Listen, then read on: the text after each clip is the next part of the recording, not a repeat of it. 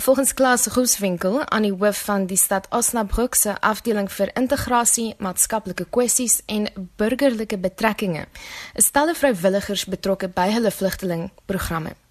Die stad is geleë in die noordwestelike deel van Duitsland naby die Nederlandse grens en huisves sowat 3000 migrante. Many people help the refugees here, and that's uh, necessary because it's too much for the administration for, from Germany. It takes time, but I think sometime we uh, have uh, integrate the, the refugees, uh, and uh, I hope uh, everybody take a place here in, in, in Germany.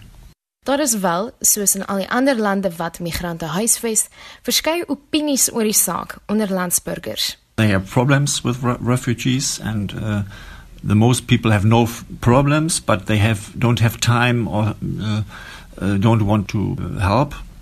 And somebody help and volunteers and, and help them, the refugees, to learn the language and so on.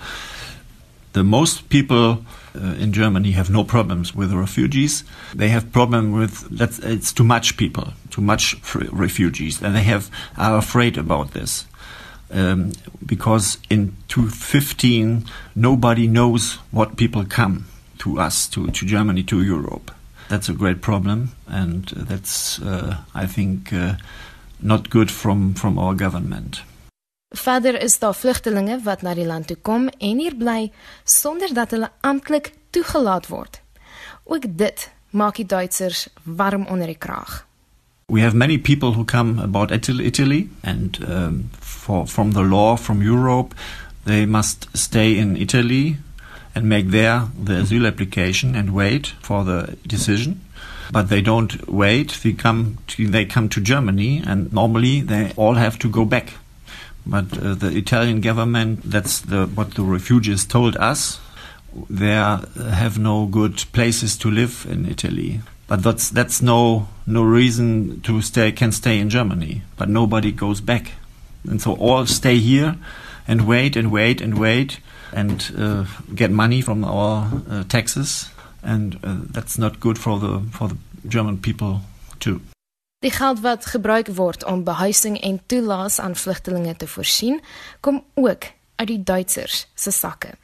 The health service too, also for food, for drinking, uh, for furniture, um, for the place to live, uh, and the health service too.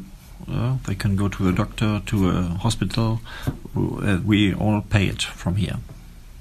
Ongeveer 200 000 vlugtelinge het in 2017 na Duitsland gekom.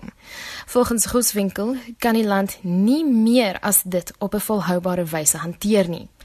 Dis volgens hom dus belangrik dat ander Europese lande ook hulle gewig die saak gooi. Germany and Sweden are the countries who do most for the refugees.